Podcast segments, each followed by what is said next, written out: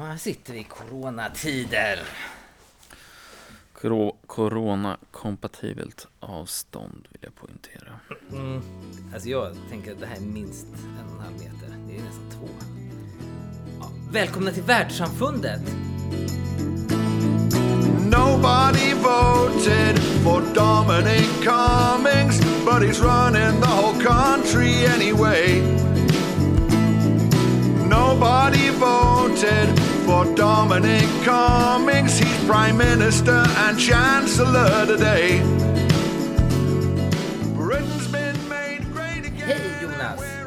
Tjena Max. Hur är läget med dig? Jo, men det är väl eh, under kontroll får man säga. Hemmajobb, men det är jag van vid. Det, ja, Okej, du är coronakompatibel sedan tidigare. Ja, men det får man lov att säga. Ja, Du, vad heter det? Vi sparkar igång. ja det tycker jag.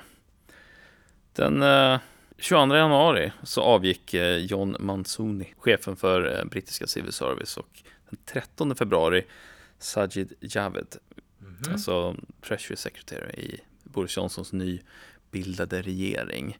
Han avgick då, Sajid Javid avgick för att han, han har fått ett ultimatum. Antingen avskedar du alla dina rådgivare och tar in rådgivare som, eh, som liksom number 10, alltså premiärministerns stab bestämmer.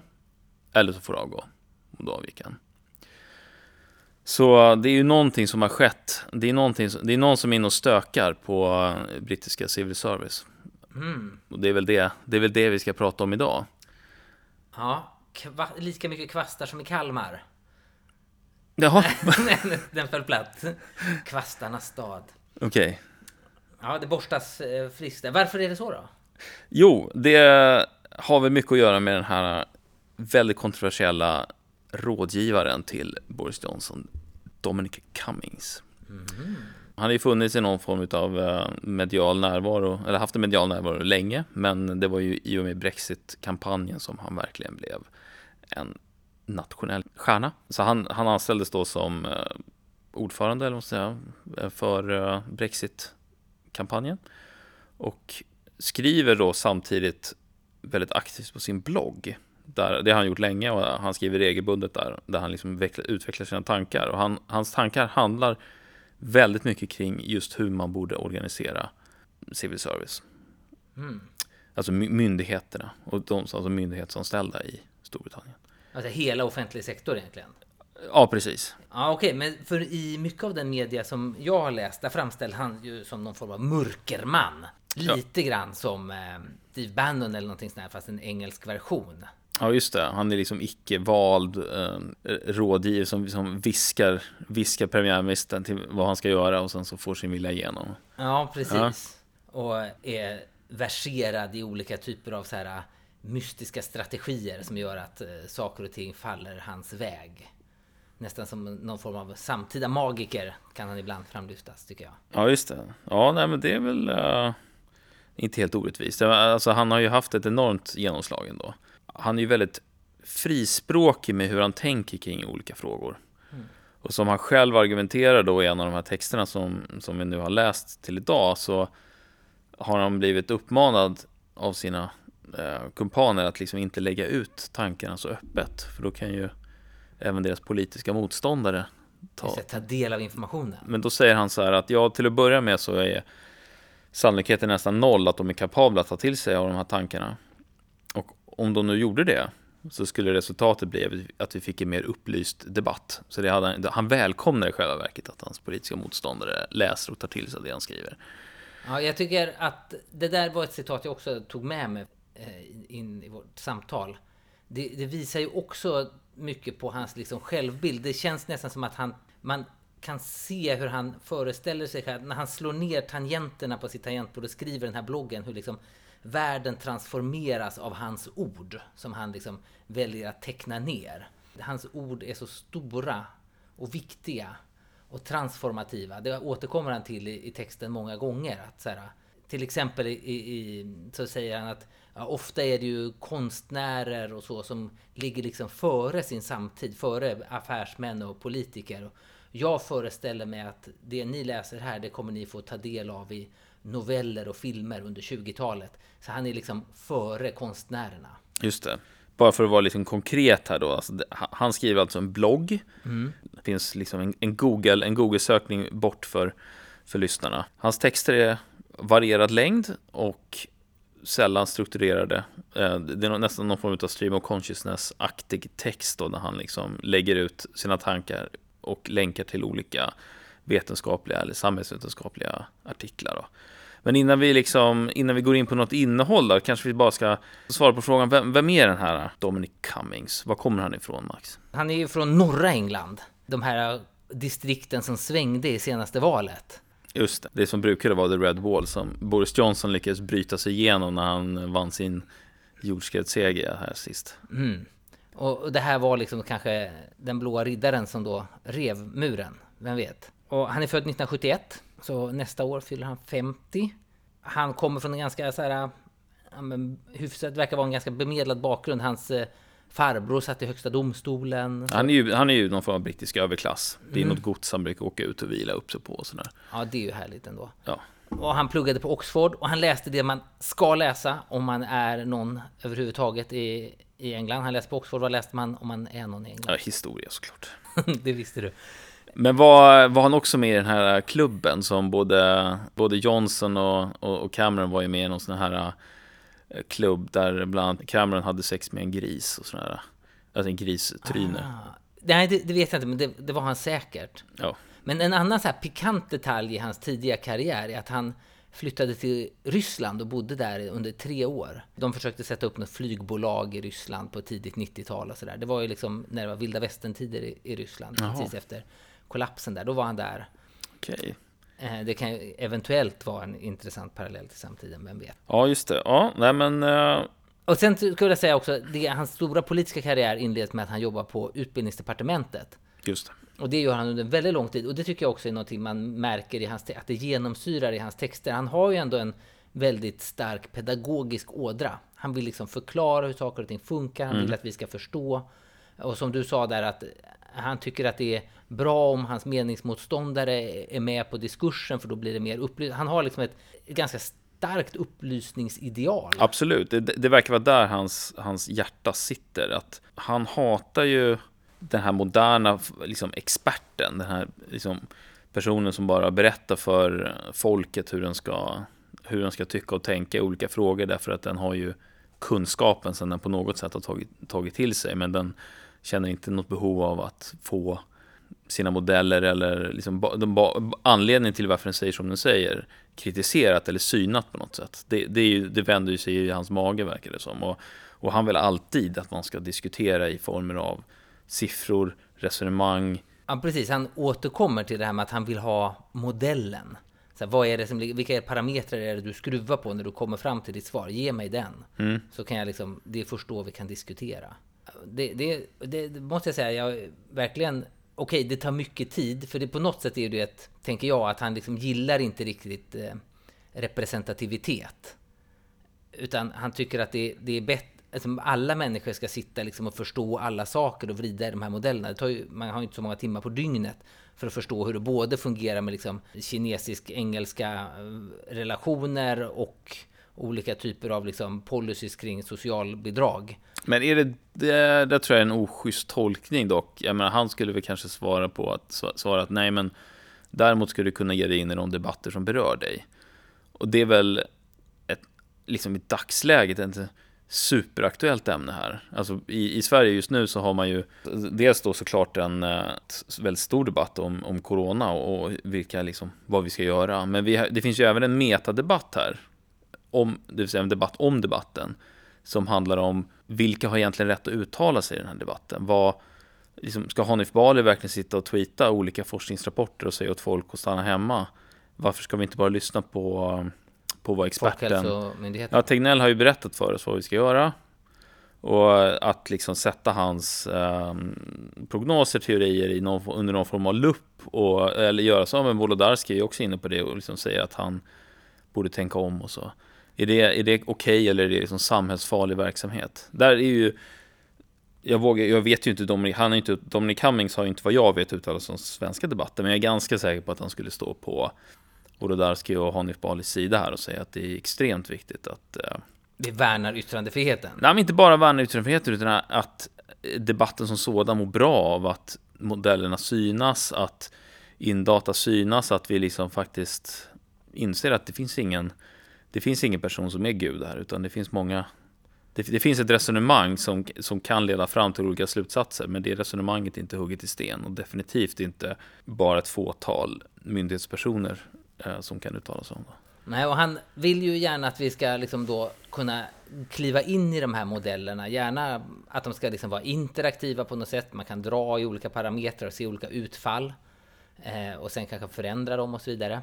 Och så säger han att text är ju liksom någonting som är idiotiskt egentligen. Det är liksom ingenting som har följt med in i vår samtid. Word som ordprocessningsverktyg har inte kommit mycket längre än när vi uppfann språket. Så den, den språkliga teknologin har inte följt med i utvecklingen utan man skulle liksom behöva eh, komma bortanför det här. Det är ju intressant att han gör det i en Oändligt lång text. oändligt lång text. Ja, Utan modeller. Just det. Så han hans, hans blogg är ju verkligen inte i linje med, ut, är inte i linje med de här eh, liksom, uttryckningsformerna som Nej, han verkligen inte. för. Utan, men innan bara vi liksom verkligen går in på hans innehållet på hans blogg. Ja. Var, han kom ju in då verkligen i rampljuset när han lyckades med eh, Brexit-kampanjen. Men det var ju också först i och med Boris Johnsons partiledarskapsövertagande och han blev ju sen Boris Johnsons närmsta rådgivare när Boris Johnson kandiderade till ledarskapsposten. Och var med och hjälpte Boris Johnson vinna valet och har därmed blivit en av de mest inflytelserika personerna i brittisk politik.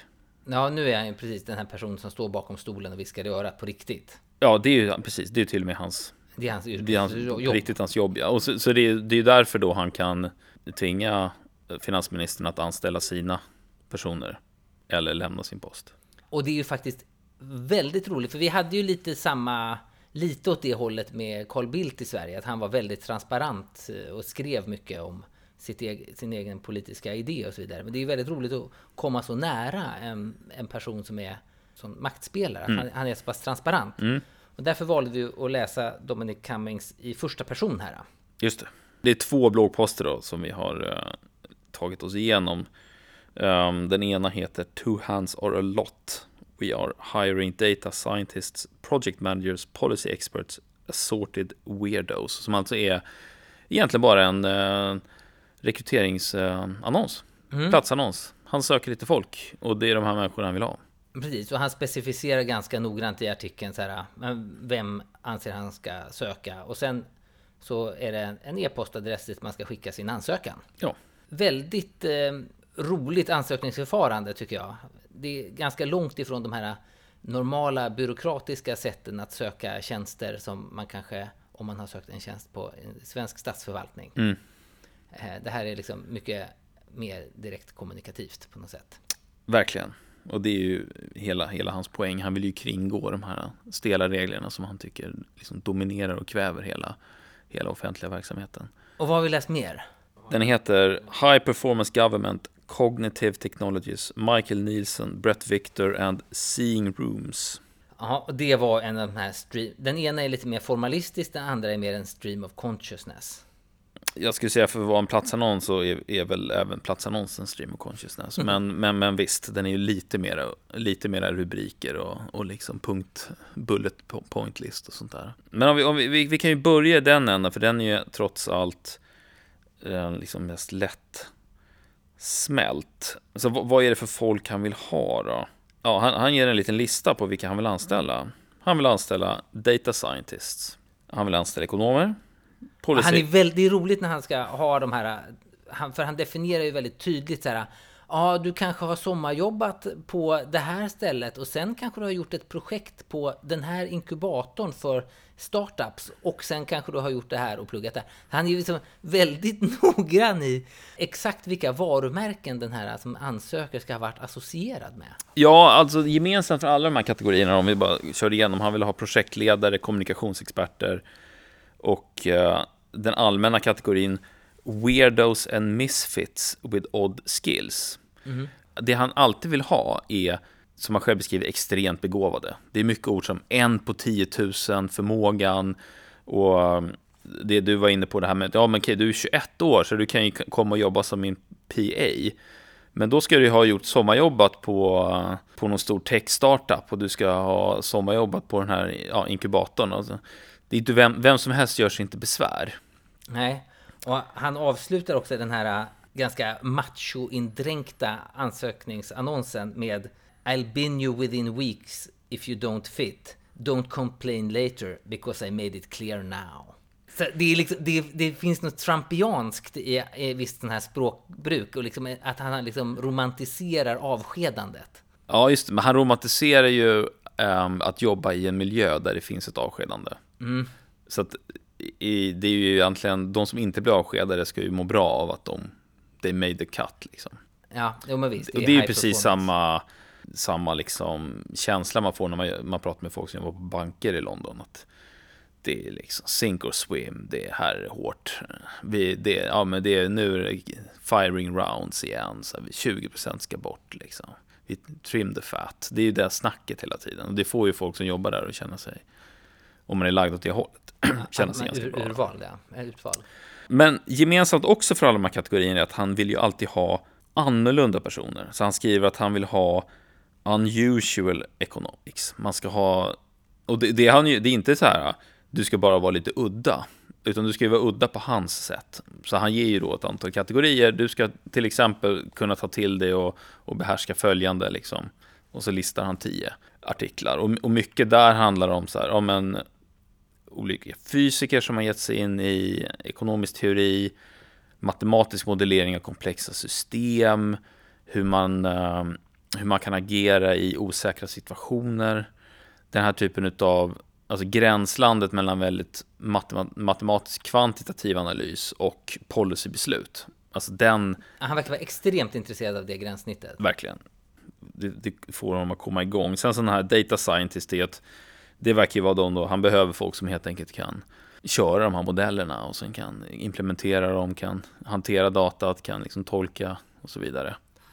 Så han verkar ju, det han verkar vara inne på är att bygga upp någon form av data science pipeline fast inom fast samhällsstyrning. I, ja, precis. Och att de sitter hos regeringskansliet. Just det. In, för normalt sett kunde man ju tänka sig att man har ett så här, vi har ju ett så här RISE, Svenska forskningsinstitutet. Mm. Där är ju sådana här typer av människor anställda. Och sen så levererar de underlag. Men här är det liksom att du sitter i regeringen och har de här kvaliteterna. Mm. Och, det, nej, och du har en direkt linje till liksom premiärministern då.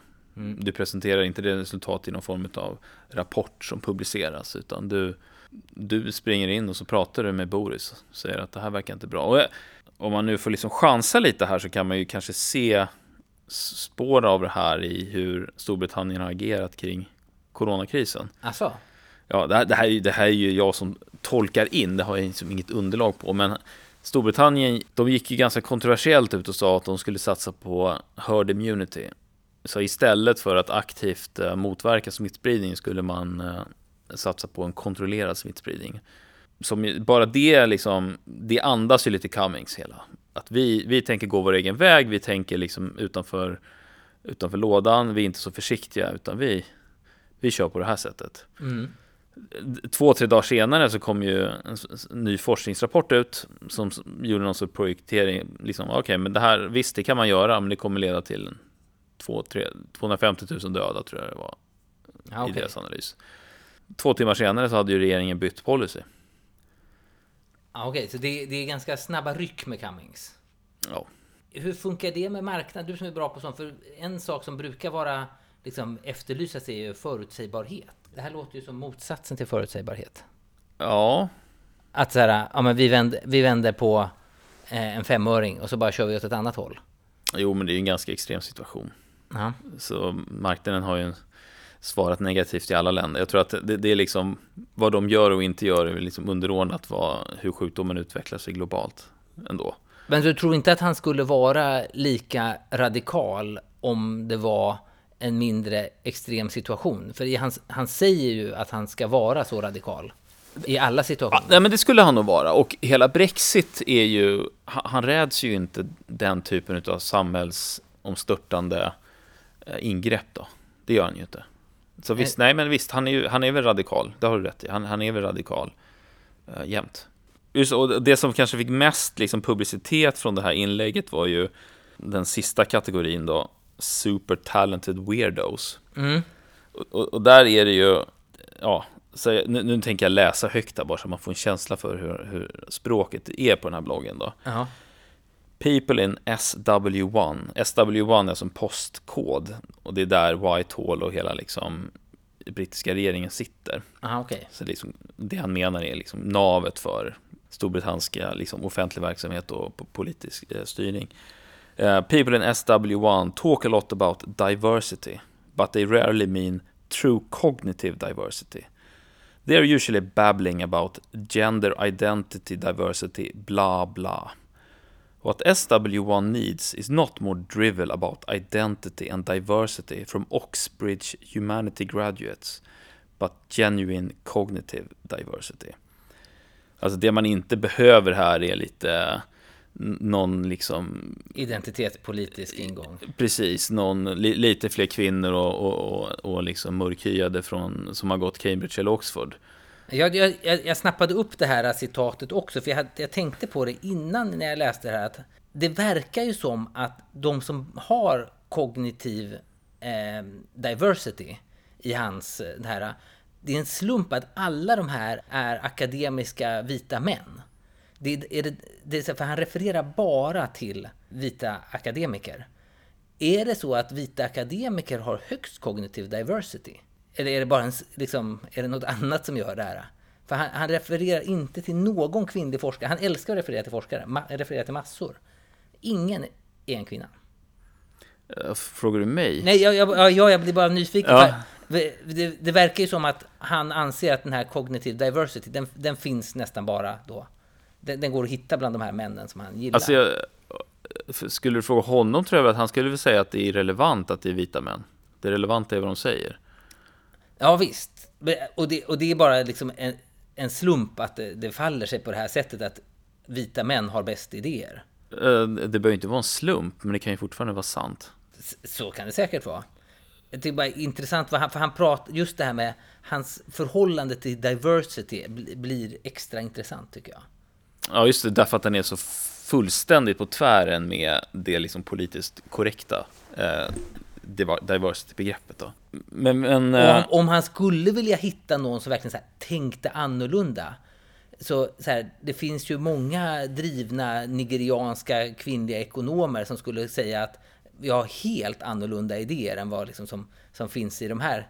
För han, har, han hittar ju de som är liksom så här alternatives men ändå inom det eh, liberala västliga systemet. Det är ju folk som jobbar inom akademierna här och så vidare. Eh, det är ju inte så att han liksom har sträckt sig ut och hittat så här, åh, det här är en så här märklig konfuciansk idétradition som verkligen bryter och liksom får helt andra samhälleliga effekter. Så, men det är kanske för att han inte tycker att de är relevanta då. nej, men där hade han ju fått cognitive diversity på något sätt. Att folk Ja. lever i helt andra typer av tanketraditioner eller så vidare. Ja, alltså, men jag tror att du blandar ihop de forskare han lutar sig mot och de representanter för kognitiv diversifiering som, Som han är vill få in i assorted weirdos. För, för de, de han skriver där om, det är ju mer så här, ja, men om du är liksom, du kommer från extremt fattiga förhållanden och har lyckats eh, liksom ta dig upp i absoluta eliten inom något område. Jag tror absolut att han gärna skulle liksom se en båtflykting från, från Libyen som överlevde som gatumusikant till- tills han var, eller hon var 12 och sen eh, levde som prostituerad och sen så blev eh, stjärna på kategoriteori. Ja, ja. Det, det tror jag nog, det, det är väl liksom hans våta dröm. Ja, men, han, men det här med diversity-grejen, det, det känns som ett, ett spår som man skulle kunna liksom fiska mer i. Om man ser det, om man, liksom, det han hatar är väl de som alla kommer från samma akademiska bakgrund då, alltså Oxbridge, det vill säga Cambridge, Oxford. I, i stort sett de som har hans bakgrund. Det vill säga gått en av de två fina universiteten i Storbritannien och har läst någon eh, liksom, historia. Eller något liknande. Så, så det är liksom den typen av folk han verkligen ogillar.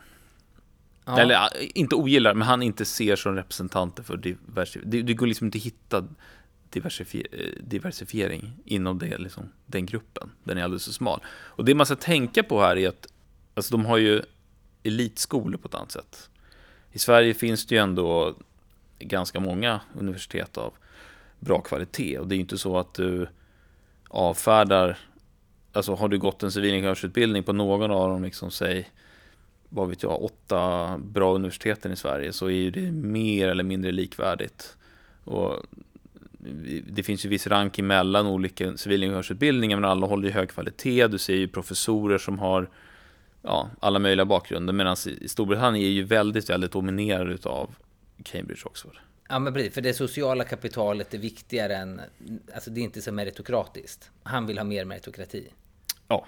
Han kritiserar ju då den här eliten, men han älskar ju då en annan elit. Artikel 2 i det här, den är ju väldigt lång, handlar om ganska mycket olika liksom, ingångar i, men huv, han har liksom ett par huvudteser i det här med att det behöver eh, finnas betydligt mer transparenta sätt att ta till sig beslutsunderlag. Där expertens siffra inte är så intressant, alltså slutsvar, utan så här, men hur kom du fram till det? Han vill liksom kunna gå in och titta på modellen som ligger bakom din fakta och dra i den och liksom själv då kunna kritisera olika typer av delar. Så han vill liksom ha ett mycket mer pedagogiskt gränssnitt mot hur vi bearbetar fakta. Och så menar han ju på att eh, det här är någonting som ja, men med, hjälp av, med hjälp av IT på olika eh, metoder då kan få, få till oss. Med olika typer av lärandesystem eller eh, laboratoriska situationer där du testar olika policies i vad han kallar vindtunnlar och ser vad som, hur blir utfallet i samhället. Han vill ha liksom simulationer och visualiseringar och eh, verktyg där du kan testa dig fram.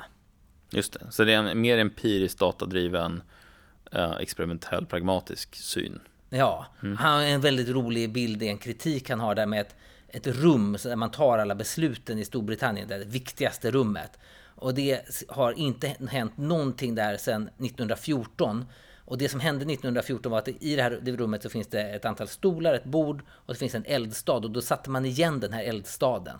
Det var liksom det senaste som hände där inne.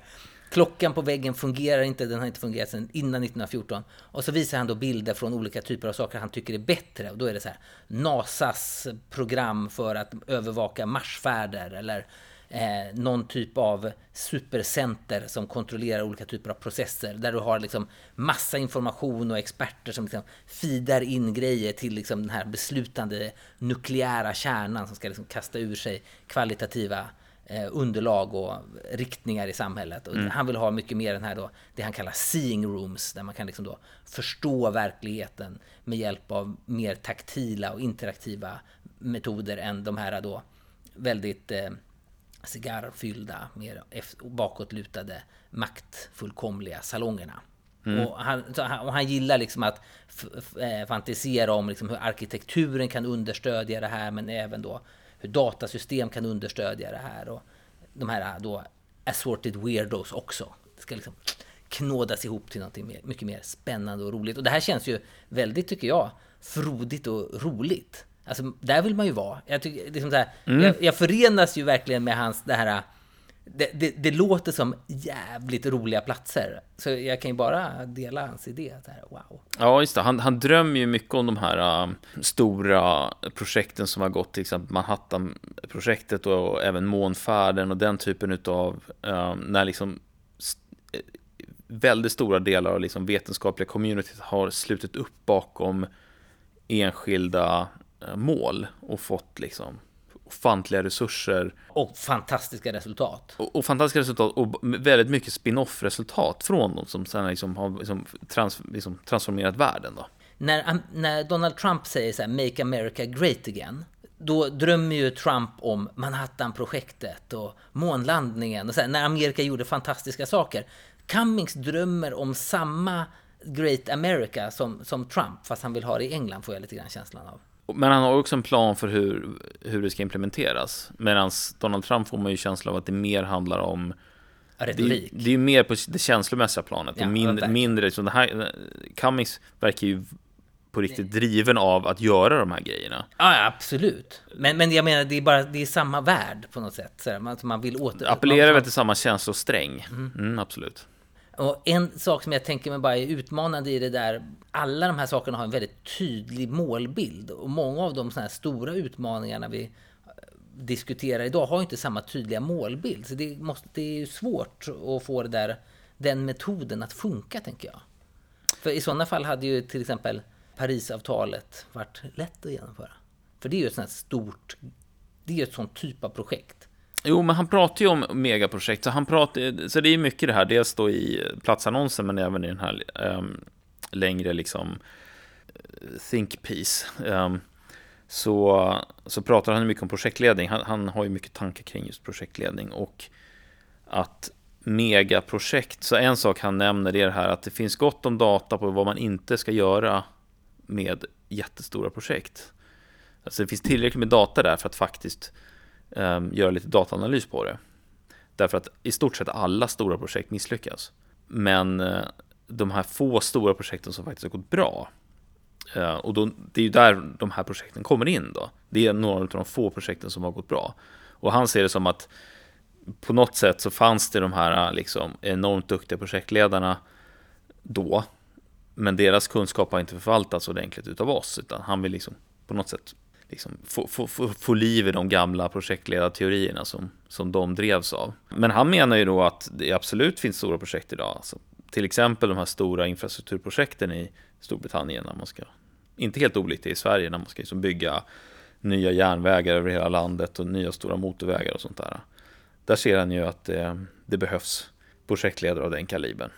Sen nämner han ju även klimat, eh, klimatkrisen. Hur ska vi, liksom, hur ska vi ställa om där? Vi liksom, behöver ju egentligen de absolut bästa tänkarna kring liksom, klimatkris eh, och ja, omställning av ekonomin. Ska egentligen jobba för honom då, tycker han, i, i regering, alltså för regeringen, inte, inte ute på, någon, på något företag någonstans. Där tänker jag mig att en av utmaningarna är att du har liksom, istället för att du har en tydlig hand som pekar så här, inom nationens gränser ska vi göra det här, så finns det ju massa fångarnas dilemma där. Att här, om vi inte tar investeringarna och ställer om så eh, kan vi tjäna lite mer längre. Och det finns ju massa andra typer av konflikter i de här sakerna. Säkert. Och målkonflikter som är liksom mycket svårare än i här, sätta en man på månen. Mm. Visst. Jag tycker jag känner igen mycket av den här tankeströmmen som han eh, lever i där. I en av delarna av Silicon Valley som handlar om de här personerna där Peter Thiel och även Elon Musk mm. och Ray Kurzweil befinner sig. För han refererar till liksom, delvis till singulariteten som, som begrepp om när liksom, processorkraften ska bli snabbare än hjärnan. Men även till Peter Thiels olika typer av initiativ. Och Peter Thiels mest kända projekt är Seasteading. Den flytande landet som ska åka runt i Stilla havet där du ska vara medborgare med hjälp av din affärsplan på en liksom, flytande land med lägre gränser för att liksom testa saker och ting för att man vill liksom få upp innovationskraften och till exempel såna här olika regleringar om buller och sånt här sabbar möjligheterna för att liksom ta nya steg framåt. På den här liksom helt fria eh, libertarianska ön som bara drivs av fountainheads så kommer liksom världen att explodera och ta stora steg framåt. Den liksom Peter Thiel-världen verkar, tycker jag mig se, gå in i hans eh, tankemodeller. Till skillnad från liksom den här normala startup-ideologin som handlar om att vara agil och testa och pröva och så där. Han vill, det är mycket mer rigida, eh, storskaliga test som ska göras istället för bara slänga ut en app eller någonting sånt. Så det, det, bara, det, ja, nu blev det lite förvirrat här. Men Nej, det... men visst, han, han, är ju, han, är ju, han gillar ju tanken på de stora. Jag, jag kan tänka mig att han är egentligen inte har något emot de här små apparna man testar, men han verkar inte så intresserad av det, utan det han verkar intresserad av är, som du är inne på, det här, de här stora grejerna. För det, för det, är liksom, det är de som är så viktigt att få till. Att det är de, det är de frågorna, hur ska vi lyckas med, och vad vet jag, besegra corona? Eller hur ska vi lyckas med att bekämpa klimatförändringar?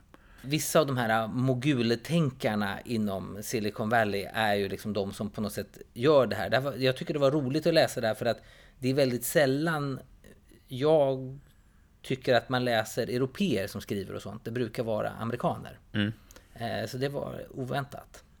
Ja, vad, har du några fler tankar kring? Och du verkar ju ganska liksom positiv till, till honom? Vad är, liksom, är, är det din magkänsla här att det här är en, liksom en kraft för någonting bra i Storbritannien? Eller vad, vad, vad, liksom, vad, får, du för, vad, vad får du för vibbar utav det här?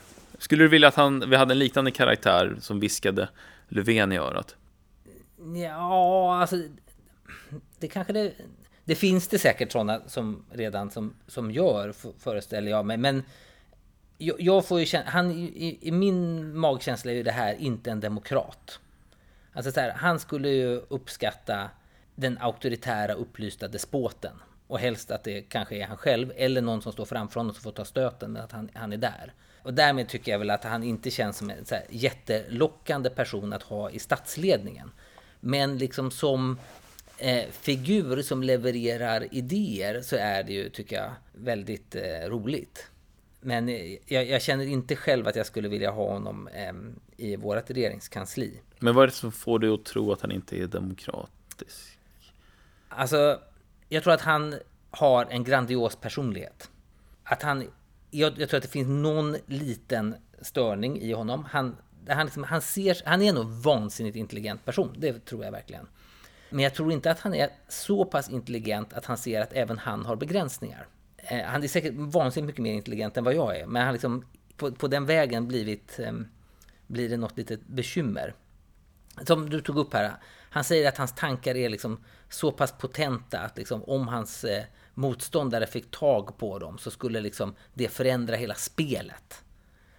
Och liksom, det är ju helt barockt överhuvudtaget. Tro något sånt, att den, här, att den här bloggposten skulle vara så transformativ för England. Det, det är väldigt, väldigt eh, lustigt. Och det här med att han själv då tänker att de här ganska generiska tankarna som många spottar ur sig, att de skulle liksom bli underlag till noveller och filmer på 20-talet. Det är liksom, huh, han tror att hans ord förändrar framtiden. Och det, till, till viss del kanske de gör det. Men jag, jag tror inte liksom de har den eh, impact som han själv för, som han tror sig själv, eller, han har inte den kapaciteten han påstår.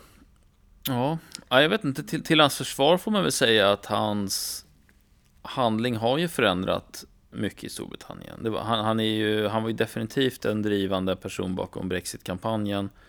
Och han har ju varit också drivande bakom Boris Johnsons både val till partiledare. Jo, men jag skulle bara även... göra skillnad där. För om, om Brexit-kampanjen är så här, ah, vi ska få 350 miljoner pund till eh, NHS. Mm. Så är det det folk, de har ju inte gått igång på att liksom, hans tankar om vindtunnlar och kommer skriva noveller om det. Han, han vann ju inte Eh, Brexit-kampanjen med sin eh, världsbilden som han målar upp. Ja, men det han gjorde var, det han själv säger, för han har skrivit mycket om hur han tänkte som kampanjledare, var att han, han såg de uppenbara svagheterna i Remain-kampanjen, just för att de, de förlitade sig på, på så kallad expertkunskap som inte kunde motivera eller förklara var deras olika utlåtanden kom ifrån. Så han såg, och, då kunde han i, i det så såg han ett antal svaga punkter som var framförallt kopplat till då invandring, Turkiet och eh, bestämmande rätt kring fiskrättigheter. Det är ett par sådana här liksom känslomässiga, känslomässigt väldigt laddade frågor. Och sen kunde han, så byggde han upp hela liksom kommunikationsstrategin kring dem. Just för han visste att det här är frågor som de inte kommer kunna på ett bra sätt bemöta. Nej men så han är en taktisk populist Visst, det, det var skickligt gjort. Mm. Men det har ju väldigt lite att göra med de tankar han framför på sin blogg. Ja, det menar ju inte han då. Men är det liksom ett Tetlockian problem solving? Det är ju inte det, är inte det som... Nej, men han pratar mycket om kommunikation också. Det är ett kommunikationsproblem. Och han, han menar ju just att de här äh, problemet med auktoritets... Uh, att om man vet var liksom bristen ligger i att åberopa auktoriteter och förstår var, vilka frågor de inte kunna, kommer kunna liksom svara och motivera för i ett medielandskap där man inte längre bara kan kontrollera informationsflödet så, ja, så har man en svaghet och det var det han utnyttjade. Så, så det, det tycker jag ändå är i linje med hans tänkande. Aha, mm. Även om man säkert hade kunnat nå samma slutsats utan den här liksom intellektuella basen så tycker jag det är intressant att han når dit. Eller att det finns en liksom intellektuell grund som man står på. För mig så är de ganska frikopplade de här två sakerna. Ja men de är inte det för honom, men det är ju han som fattar besluten. Så förstår du vad jag menar? Kampanjen gick bra och han eh, spelar en viktig roll i den, Absolut. Ja, men han kom ju fram till de slutsatserna utifrån de här teorierna. Sen att du inte hade kunnat komma fram till de slutsatserna är inte lika... Nej, men jag kan ju komma fram till slutsatserna så här. Det är bra att skylla på invandrarna. Det är ju många partier i Europa som har kommit fram till att det är en väldigt framgångsrik strategi. Absolut. Och de har ju inte hans eh, teoriidé. Liksom. Det, det kan man ju lära sig av att bara blicka ut mot världen. Ja, det finns ju många vägar som går till Rom. Eh, Till och med alla. Men eh, jag vet inte, sj- sj- själv har jag väl liksom, alltså min, eh, min Ja, invändning mot Donny Cummings ligger kanske någon an- liten, liten annanstans då. Men har jag ett citat i alla fall då. Mm. Från den här eh, platsannonsen som jag tycker ringar in det motsägelsefulla. Så mycket här då av den här platsannonsen men även i, i allt han skriver handlar om behovet utav att tänka nytt, tänka fritt, tänka stort, tänka annorlunda, bryta mot normer och så vidare. Och så skriver han så här. Those applying must watch Brett Victors talk and study dynamic land. If this excites you, then apply. If not, then don't. Så du får tänka fritt och annorlunda och stort så länge som du tycker om Brett Victors talk on dynamic land. ja, berätta mer. Det är jätteroligt. Nej, det, det är väl egentligen, det var liksom det som var min poäng. Alltså hur, Tänk som jag så är allting bra. Ja, alltså exakt att han... Det, det finns ju motsägelser där i att han inte förstår... Ett krav på att man måste tycka om en viss text är ju i någon mening precis tvärt emot det han på andra ställen skriver att han behöver. Cognitive diversity. Exakt. Och så, så det, risken är ju ganska stor här att, att begränsningarna, det här är bara så bra som, som det är i dagsläget. Att om, om liksom, de här 10 eller liksom 20 eller 30 eller 40 artiklarna som han grundar hela sin, sitt ramverk på, om han inte har förmågan att utvärdera och förbättra dem, då, ja, då, kommer det ju funka ett tag, men, det, men man kommer ju springa in deras begränsningar ganska snart. Och då, och då, då kommer inte han se det. Nu är inte jag någon expert på Brett Victors talk on dynamic land, men, men det känns ju som att det kan inte vara, det är inte gudagivet att alla ska tycka om det och tycka att det är spännande.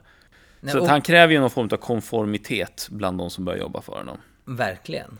Nej, det är det jag menar med att han är auktoritär också. Ja, det tror jag nog att han är. Men så om vi, om vi ska göra någon så prognostisering, för han gillar ju så här forecasting, så super forecasting, vad händer? Så här. Om vi då ska forecasta så här, hur stor är sannolikheten att Dominic Cummings är kvar eh, i en ledande position när den nuvarande brittiska regeringen får kliva ur? Hur stor är den? Är han kvar då? Eller inte? Hur stor Är han kvar, är han kvar, sannolikheten är han kvar vid nästa val? Precis. Sitter, är han liksom en rådgivare hela den här perioden eller åker han ut? Alltså han är, Eller vilken, du, får- du får säga en siffra. Okej, men då... För jag har lärt mig att superforecasters, de säger nämligen inte bara ah, det är 50-50 eller det är 100-0. Utan man, det, är, det är en siffra. Okej, men men jag skulle tro att han är ju en extremt, han spelar ju ett väldigt, alltså volatiliteten i hans spel är ju extremt stort. Han gillar de här stora liksom gambles. Och de har ju en tendens att ibland gå emot den. Och det räcker nog att en stor, en stor sån går emot honom för att han ska ryka. Så sannolikheten tog det vara med andra ord högre än 50% att han är borta innan nästa val. Så jag säger eh, 20% att han är kvar. En annan parameter i det här handlar ju om vad Boris Johnson kommer behöva. Om han liksom tycker att det är värt att ha en sån här eh, dyrköpt person. Men jag, jag tänker också att det, jag tänker att det är väldigt liten chans att han är kvar faktiskt. Jag, jag tänker att det är, det är bara 5% chans att han är kvar i nästa val faktiskt. Ja, det är synd att med en sample av ett så det kommer omöjligt att avgöra vem av oss som var Ah. bäst. Men, Men jag, eh, det- var bara en lek med den här superforecasting-grejen. Eh, för han, han gillar någonting, han refererar hela tiden till Tetlockian project, pro- eh, problems. Eh, och det handlar liksom om att vid en viss tidpunkt avgöra om någonting kommer att ha inträffat eller inte. Eh, och då ska man göra just den här leken. Just det, men, men då vill jag gå tillbaka. Det här är ju faktiskt, går ju tillbaka till eh, världssamfundets grundande, om du minns det. Mhm. Så sa vi ju, nu har vi inte riktigt hållit oss till den principen, men då sa vi ju just att vi i varje världssamfundet, i slutet av världssamfundet, skulle komma med en prognos. Som, vi skriver, som är liksom kvantifierbar. Och sen, som vi sen i efterhand kan utvärdera hur eh, utfallet blev. Och- Det har och- vi ju inte gjort, men det var ju helt i linje med Daniel, eh, Dominic Cummings eh, tänkande. Han har ju gillat den idén. Ja, det hade han verkligen Ja. gjort. Men han hade ju då velat att vi ska ha avståndet mot felet i kvadrat. Så om, om, jag liksom, om det blir så att han sitter kvar, då får jag då och säger att det är 5%, då har jag ju liksom 0,95 i kvadrat fel. Det blir mitt straff. Medan Mm. du bara får straff, du sa 20 då, så får du bara 0,8 i kvadrat fel. Så då är det du som vinner. Ja, jo. Och sen får man göra flera prediktioner för att det här ska då eh, ge vem som är bäst forecaster. Ja, precis. Men det var ju precis det Ja, vi, jag sa. Det, är, Ja, ja, det där är ju absolut. bara en vanlig utvärdering utav, av prognosställande. Så att säga. Men det, det är klart. Det men vi måste ju göra lite fler prognoser. Vi- vi får göra det. Men med denna lite röriga avslutning kanske vi ska tacka för oss i dessa coronatider. Ja, och eh, vi hörs snart igen. Ja. Hej, hej. Hej hej!